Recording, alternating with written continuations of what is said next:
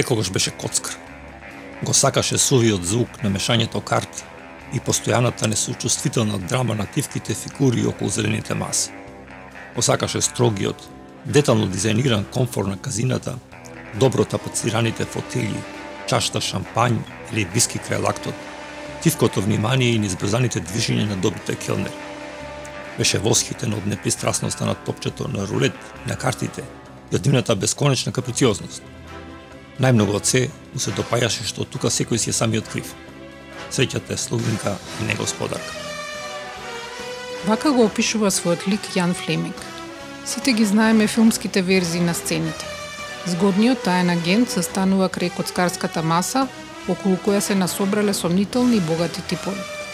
Низ казината во Монте Карло, Азербејджан или Лас Вегас, играјќи бакара, рулет или блек тој или победува или стратешки се повлекува точно тогаш кога треба. Неговата рационалност е атрактивна, ги нервира опонентите, а ги возбудува дури најстудените убавици околу масата. Често со некој од нив заминува во ноките.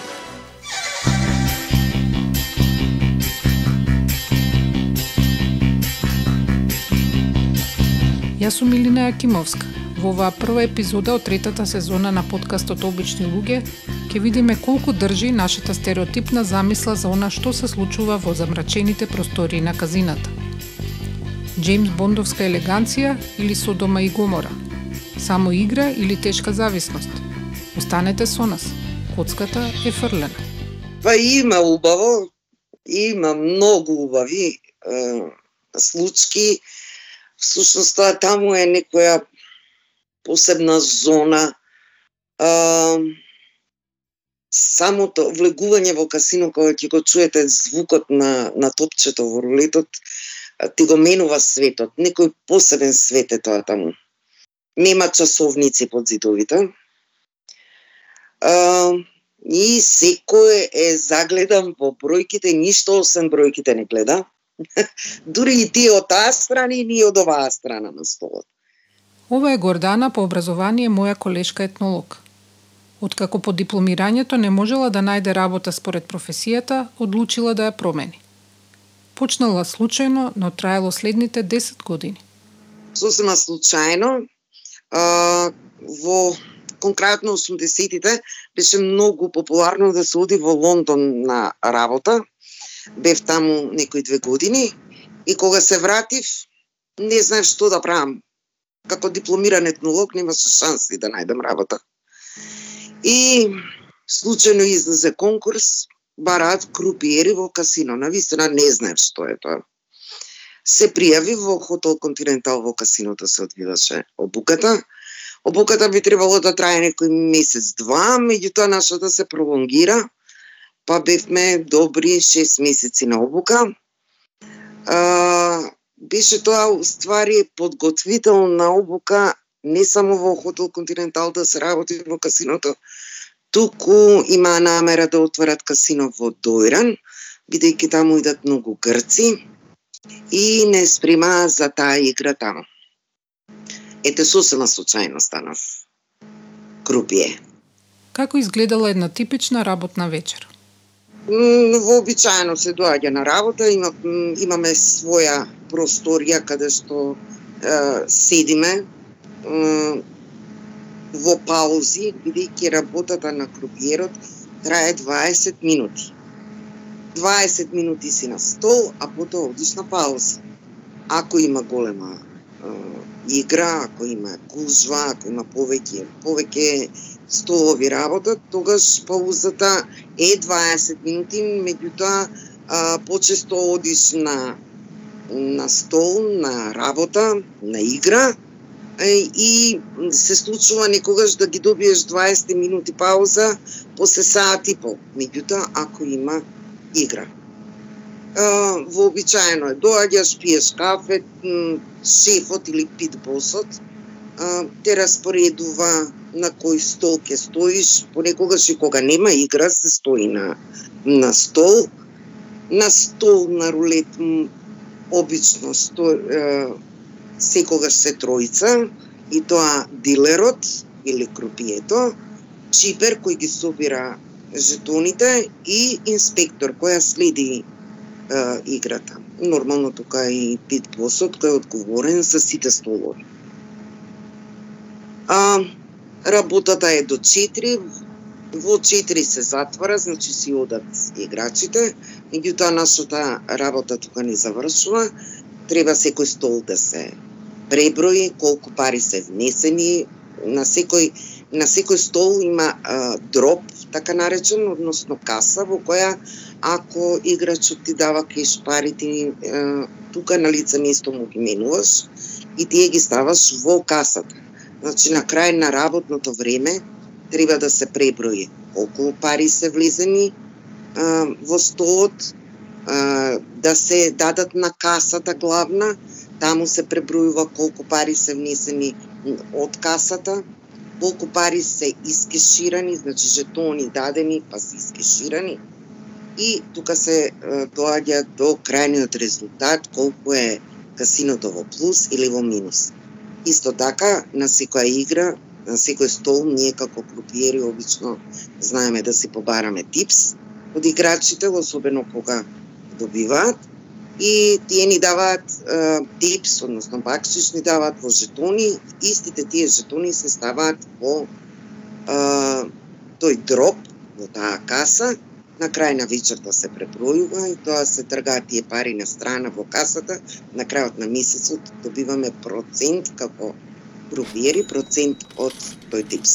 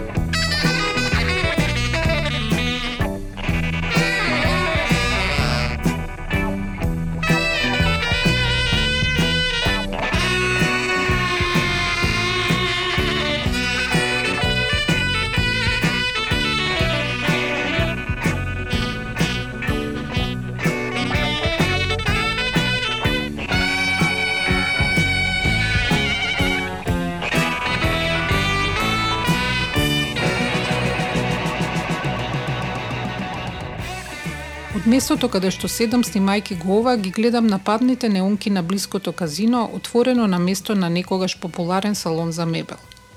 Спроти него има спортска обложувалница, а само десетина метри подолу уште едно казино со апарати. Нивните затемнети стакла права да изгледат тивки и празни, но внатре врие од играчи. Никогаш не било полесно да се коцкаш, но не било секогаш така. Тука во Скопје во тоа време законот беше дека мештани, локалци не може да играат во касино. Меѓутоа сите правила имаат исклучоци, барем овдека на Балканов, така да имаше многу наши, а додека во Дојран кога работев беа исклучива само грци. За нив посебно одеше комбе од хотелот и од касиното. А, до граница, ги превземаше таму со комбе ќе го доне, ќе ги донесе играчите, игра, после пак до, до крајот на, на работното време, после тоа ги разнесуваат, ги носат пак до граница, таму ги чека друго комбе, ги разнесува по дома, бидејќи они тогаш нема има забрана за отварање на касина во Грција и тие доаѓаа во Дујран. Дојран беше мека за нив. Во тоа време имаше три касина во, во Дојран и тоа беа големи и сите три одлично работа. А викаш во тоа време законодавството не дозволуваше, сега дозволува? Наши сега дозволува, да. Сега се лиценцирани, тогаш не беа касината лиценцирани, немаше дозволи за работа, него имаш намера да се отвориш касино, си отвориш касино, имаш пари да го средиш. Не беше, во секој случај не беше регулирано со закон, а сега е веќе поинаку. Сега касината имаат лиценци, имаат обврска колку пари треба да имаат на банка сметка. И не знам, веќе сега, сега не сум веќе упатена како стоја, како е законот во врска со, со касината, иако знам дека мора да бидат лиценцирани кои игри биле најпопуларни тогаш и дали крупиерите ги учеле сите? Па, не, сите ги учат основните игри, а тука кај нас се најпопуларни рулетот и блекджекот. А, она што го гледаме во филмовите за Лас Вегас, дека има крапс, па не знам уште мали милион други игри, овдека ги немаше во тоа време. А, единствено имаше избор помеѓу неколкумина кои е, делеа покер. Тогаш беше популарен Американ покер. Сега по касината има и Тексас Холдем, и делат сите, така да основните игри беа тие, Blackjack и рулет. На Гордана и поставив две прашања во едно кои биле најлошите случаи на кои присуствувала, а кои најсмешните? Лоши случаи има многу. да не звучи како од лош филм амерички ниско буџетен, ама стварно доаѓа познати мафии, да речем, од Балканов и се среќаваат тука, па меѓу себе се расправа, па имаше вадење пистоли, имаше раци, кога доаѓаше полиција да бара и оружје и дрога меѓу играчите. Имаше, што знам, тоа ми е така полоши, да речам, полошо искуство, иако ми тоа не беше нешто страшно. Има еден поранешен боксер кој губеше многу, па го дигаше цилиндерот, тоа е оној кругот каде што се врти топчето за да не бара каде имам магнет за тоа што никако да му падне на него. Ете тоа, так, такви некои случаи имало. Имало жени која доаѓале да се ги бараат мажите.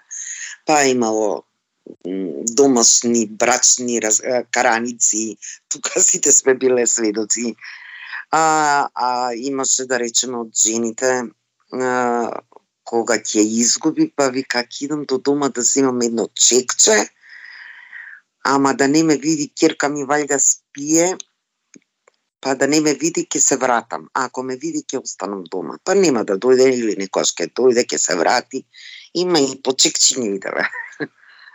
има смешни, има еден сите го знаат, многу познат човек во градов, па и посироко и во Југославија беше многу познат, кој знаеше да игра, дури беше држеше едно касино овдека во градот едно време и кога ќе губи во друго касино, пошто во своето нели не може да игра, а, кога губи знае да лаже дека таму му ги ставил, не ги ставило на 30-ка, се паднала 25-ка, на 25-ка му биле жетоните.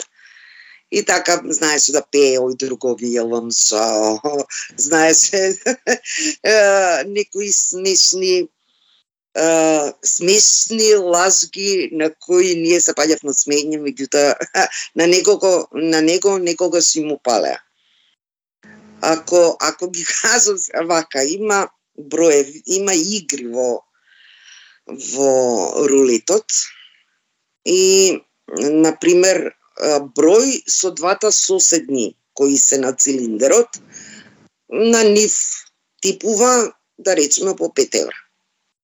И а, меѓутоа на секој број на цилиндерот имате некој кој е во втората десетка, значи 11, 12, 13.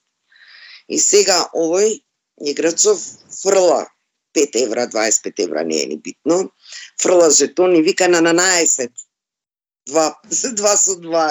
Секако ќе ќе падне некој со 11. И обавезно добиваше.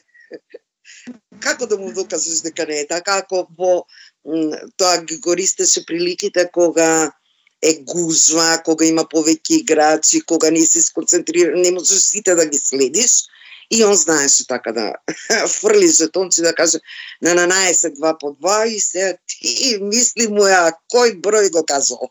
Од она што го кажува Гога, излегува дека една од најважните карактеристики на крупиерот е да биде концентриран и да има добра меморија. Ова особено важело во време кога во казината немало камери со кои можело да се докаже некаква неправилност. Па да, мораш да ги гледаш то реда. Може да се случи а, реди, а на оној што игра до него да му ги земе жетоните, да му ги тргне на, на друг број. Меѓу себе да се кошкаат. А, може да сакаат да те збунат, па да ти фрлаат од еднашка три четворица, да ти ги фрлаат тие облози кои се на рулетот. Па ти треба да ги памтиш, пусто нема обележувач, аха, овој бараше петка, овој бараше тројка, овој бараше 28-ца. Треба да ги памтиш, а затоа има инспектор, затоа има и чипер да ти помогне некојаш да мисли за тебе. Така да има многу многу моменти на кои може да те фатат и уште ако те видат дека се избунет, играчите се многу безобразни, па уште толку ќе ти се навртат, па ти после мисли му е. Од филмските прикази на коцкањето, често сме гледале такви задружини кои со помош на некаков нивен систем успева да ги празнат касите на казината. Некои од нив се наводно вистинити. Можно ли е такво нешто? Можно е, ама немам објаснение. Имаше една група белграѓани кои одеа низ Европа и на многу места има е, има забрана за игра, веќе ги знаеа кои се, чудо беа, они тројца ќе додат, едниот стои кај а, цилиндарот, кај кругот, на рулет е претежна игра, не претежно, него само на рулет игра, едниот стои кај е, цилиндерот, едниот стои на дното, на масата, нели е долго навеста, најдоле, а едниот реди жетони. Значи, кога крупието ќе го пусти топчето, Овој што стои кај цилиндерот кажува да речеме Воазен има три игри на цилиндерот, Орфан Воазен и серија и ќе му рече во Азен он ги реди доле а, бројките, тој од другата страна ги реди, овој им објаснува не, играј повеќе на тој тој број, да речем 28-ца, 29-ка, редат повеќе, таму на крај испаѓа на вистина тој број да падне. Како на вистина не знам, не објаснимо ни беше на сите. А, меѓутоа они нем, нема тука ни математика, не знам, логика нема, ама тие многу многу заработува. Како, на вистина не знам. Не знам, некои кажуваат дека ги имаат купено, дека се една група поранешни крупији, кои ги имаат купено сите мозни видови на цилиндри и ги имаат ставено во некоја просторија, не е касино, имаат вработено крупиери кои ќе вртат на рулети, само спинови вртат, а овие запишуваат на секој звук кој број паѓа. Иако мене тоа не ми е логично, бидејќи никогаш не можеш да утврдиш со која брзина ќе го заврти тркалото оди во еден смер се врти, а топчето оди во друг смер. А, има граничници, тоа е со пад, кругот е, има пад кон бројките, и на тој пад има неколку а, пропречни граничници, не знам како да ги кажам, а, желевца кои стојат се наредени, а, некои се хоризонтално поставени, други вертикално се поставени. Па доле е цилиндерот и меѓу сите бројки има желевца, прегради. Ти не знаеш кога ќе почне да падне топчето, како ќе падне под која агол на која пречка, како ќе се ќе почне да скока, не може така да се не, не знам, не знам која им беше логиката и на, ни, на никого не му се разјасни како они успеваат да керуваат толку пари. Има забрана на многу места. Низ Европа, не тука, него низ Европа има забрана. Половина од колегите на Гордана биле девојки, некои од нив преатрактивни, но според неа тие никогаш немале проблеми со играчите. Освен тоа, и помеѓу нив имало жени. А, има жени беа во тоа време јас кога работев, имаше три жени одека во градов, кои многу се дружеа меѓу себе и обавезно да. И тоа знае на вечер да прошетаат две-три касина. Во 90-тите во Скопје имаше а, Скала, Панорама, Континентал а, и Гранд Хотел, сегашен Holiday Inn имаше неколку диви касина, така да имаше каде да се прошета и идеш овдека изгубиш, па мислиш дека во другото ќе јариш, така да се шетаа тие три господи, беа на возраст, некои средни години, 40 и нешто, на 50. И беа страствени играчи, меѓутоа они играа блекчек и обично жените играат блекчек. А зашто мислиш дека е тоа така? А, па, таа е малку по смирена игра е, и картите се женска игра. Карти воопшто. Жените повеќе сакаат карти. А мажите се околу рулетот, тоа е на вистина многу коцкарска игра. Таму многу пари повеќе се, се од многу побрзо, поголеми пари се губат и отколку на блекчекот. На блекчекот е игра, може да се игра и од задоволство, помалку комарчиска изгледа, иако и таа е доста опасна игра и таму се губат многу пари. Меѓутоа е по-смирена игра и затоа жените повеќе сакаат. Помеѓу другите предрасуди кои ни ги разби Гордана, една има врска со оние сцени кога околу масата за коцкање има убави жени кои головат вниманието на оние кои добиваат. Позоруши не. Значи, джабе име да одат во касина. А, затоа што тој што отишол да игра, тој ништо, освен бројките, освен звукот на топчето, ништо друго не слуша. Значи, ништо друго не го интересира, освен комарот. Да, имало лихвари кои биле тука постојано, за, е, затоа што кога ќе изгубат пари, а сакаат да да играат уште мислејќи дека ќе се ги вратат парите, ово е тука да му даде пари да игра да изгуби што повеќе. Имаше има една а, поговорка, вика мајката не плачала што синот оди да се коцка, него што иде да се вади. Значи, тој повеќе губи. Ако изгуби и си отиде, не е проблемот. Проблемот е што кога ќе изгуби, мисли дека следното ќе ќари, па ќе земе под лихва и тука губеле многу, многу пари. Губеле станови, губеле наследства огромни. губеле коли. Логично прашање за некој кој 10 години сведочел разни судбини на луѓе зависници од комарот беше дали таа некогаш сочувствувала со нив? Не. А, затоа што а, тие сами доаѓаат, никој не доаѓа, они знаат да ни речат аман што ми прави, зошто си ваков или ваква, сите пари ми ги зема, ваква си, онаква си. Меѓутоа, наше било, ја дојдов дома да те земам, за ушите донесов, тука сам си дошол. Што доаѓаш? Значи, не, немам, навистина, никој од нас немал ништо за жалење. Имаше еден кој са Бајлечки доаѓаше Значи едно касино која работеше а, до покасно са Бајлечки, не до 4. И имаше еден кој пред да оди на работа, ќе дојде, ќе изигра и ќе изгуби. Еднаш кога дојде, изгуби и рече, требаше да идам да им ги купам книгите на децата, вие ми ги земавте парите. И тој да го жалам, па не го жалам. Дури се случувало да утре ден таки излеземе во кафич преко ден обично искачаме нели бидејќи навечер сме на работа и во некој кафич ке го сретнеш играчот да кој вчера си му земал многу пари, ама сега ќе се те псуел, те колнал предходната вечер, ама сега ќе седне со тебе, ќе се напие кафе, ќе те части кафе. Сосема сосема пријателски однос. А дали самата некогаш била играч во казино? Тогаш и мене ме фаќаше таа еуфорија дека си од оваа страна и дека ти можеш да го затвориш касиното.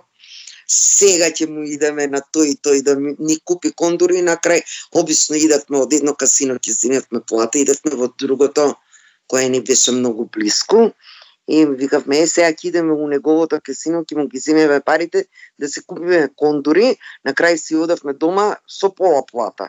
Ке изгубиш. на крај ние му купувавме на него кондури.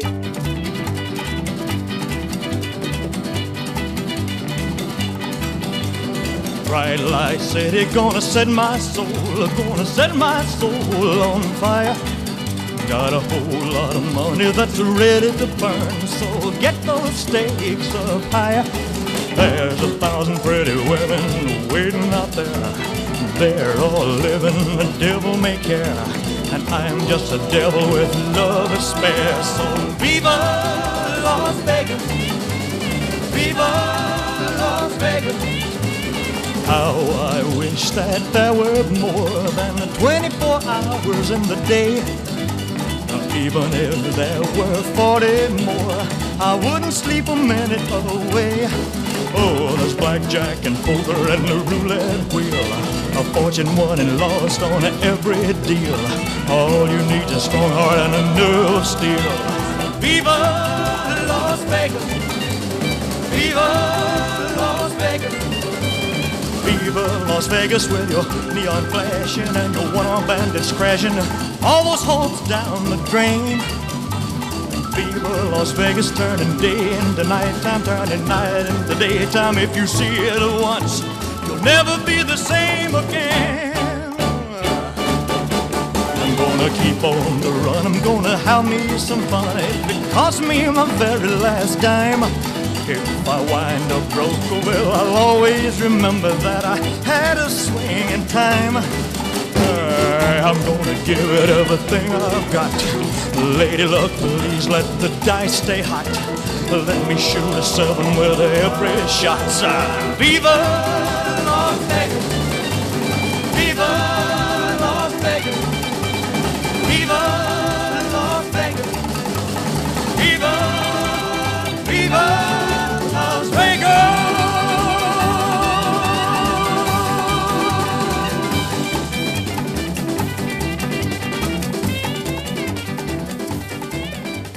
Кога е во прашање среќата, таа е превртлива и поврзана со суеверија, амајли и ритуали.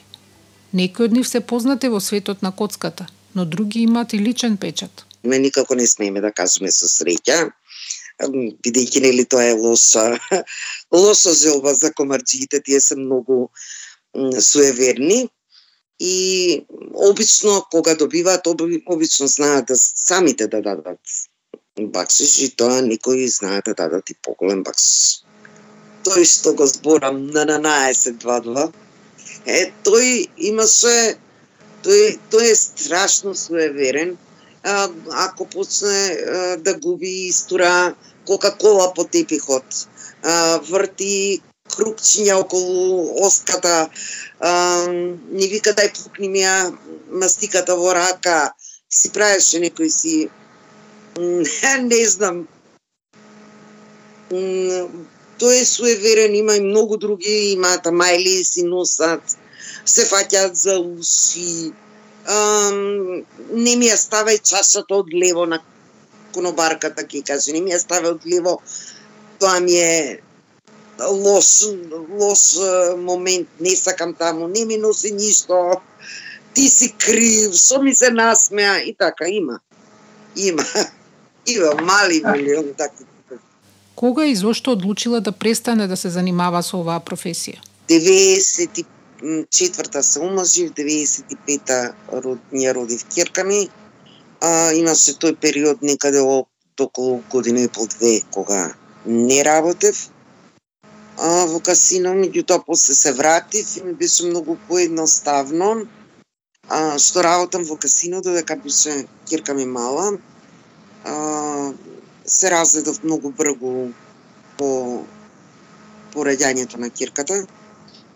И остана кирката јас да ја раснам, живеев и со мајка ми тогаш и многу му беше поедноставно на вечер у 9 саат да ја заспијам, 8 и пол ќе ја заспијам и ќе отидам на работа, која ќе се вратам у 5 у 6 она уште спие, 7 ќе ја распидам, ќе однесам во градинка, од 8 до 3 саат јас пијам, се одма, ќе се одморам од вечерта и после попладнето цело го поминувам со неа, така да тоа ми беше, во тој момент ми беше најоптимална професија.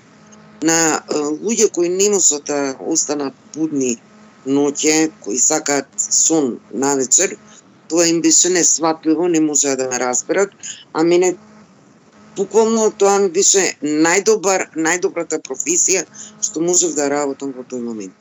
За сите оние кои никогаш не влегле во казино, ниту пак играле каква и да е игра на среќа, таа има еден совет. Некој ако му се буди желба да оди да изигра комер, никако да не оди на апарати. Апаратите се механика, која се штелува како што се сака,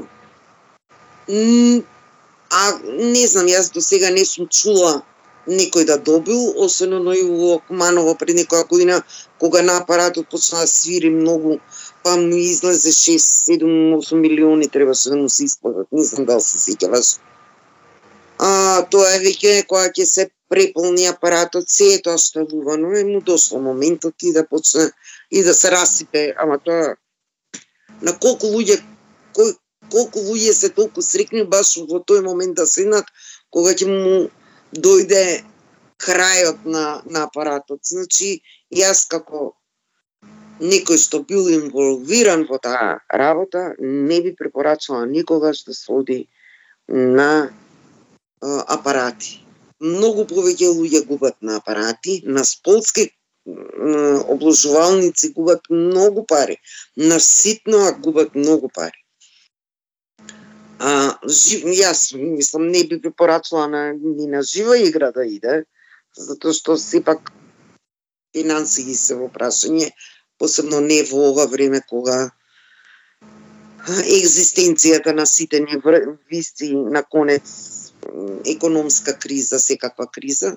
Меѓутоа, ако веќе некој толку многу има желба да види како е, што из, како изгледа касино, што е тоа касино, што се случува внатре, да, нека отиде, нека види, нека си одвои од од заштедата од своите пари од столи 50 евра. Доволно му е да земе да си помине два сати полека на блекджек, на рулет. Не, ама на блекджек да си помине една вечер, супер.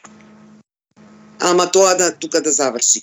Имало имало моменти кога мене многу близок човек ми кажал дојде со мене и треба да се извадам, кога ќе направам толку и толку, да ме фатиш за уши и да ми из, извлечеш надвор. Важи. Одевме таму заедно. Дојде до толку и толку и продолжи. Ја му викам, ајде стани да си одиме. Не, чека уште малце тогаш бивме заедно со мојот бивши сопруг, заедно со него и двајцата да му викам, ајде стани човече, доста беше, нели рече до толку. Абе тргнете ми се, на крај не опсу, не исколна, ние сами си отидовме, он остане и ги изгуби сите пари што јари. Уште нешто. Бројките на рулетот се поделени на три дузини. Има значи од 1 до 36 и 0.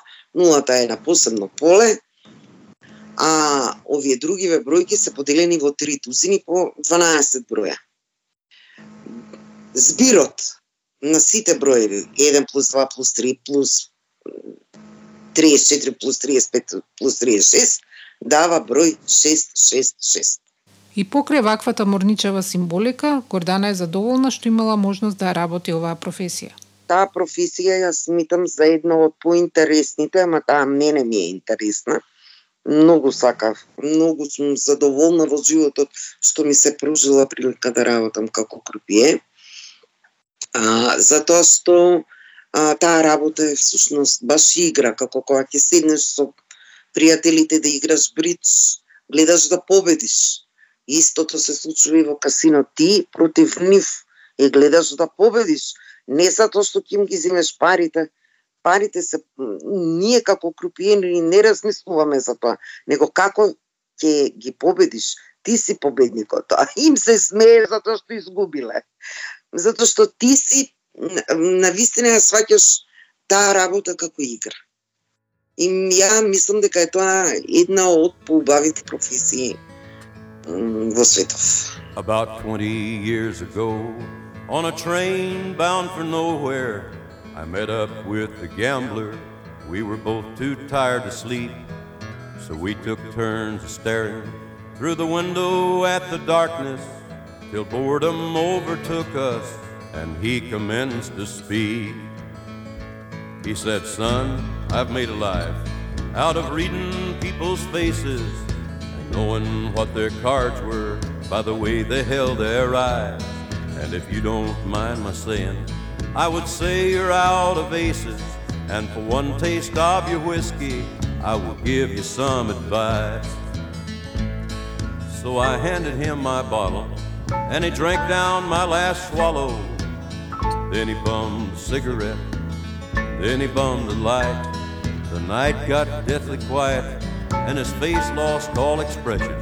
He said, If you're gonna play the game, boy, you better learn to play it right. Cause every gambler knows that the secret to survival is knowing what to throw away, knowing what to keep.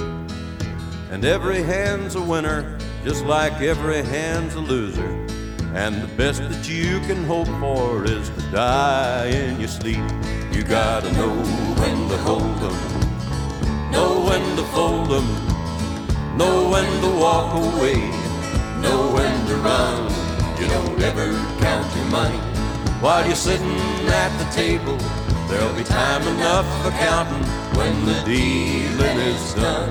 You gotta know when to hold them, know when to fold them, know when to walk away, know when to run.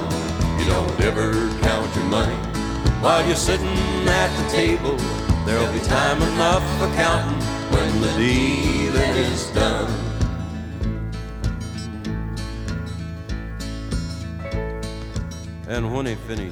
Никогаш немам влезено во казино, но преку приказната на Гордана се чувствувам како да сум минала многу часови делејки карти или редејки чипови.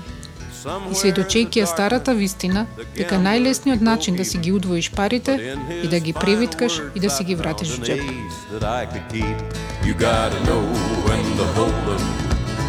Know when to fold them, know when to walk away, know when to run. You don't ever count your money while you're sitting at the table. There'll be time enough for counting when the dealing is done. You gotta know when to hold 'em. Јас сум Илина Екимовска, аудиомонтажа Бојан Угриновски. Целосен транскрипт на епизодата можете да најдете на нашиот сајт обичнилуѓе.мк. There'll be time enough for counting when the dealing is done. You gotta know when to hold 'em, know when to fold 'em, know when to walk away, know when to run. You don't ever count your money while you're sitting at the table. There'll be time enough for counting when the dealing is done.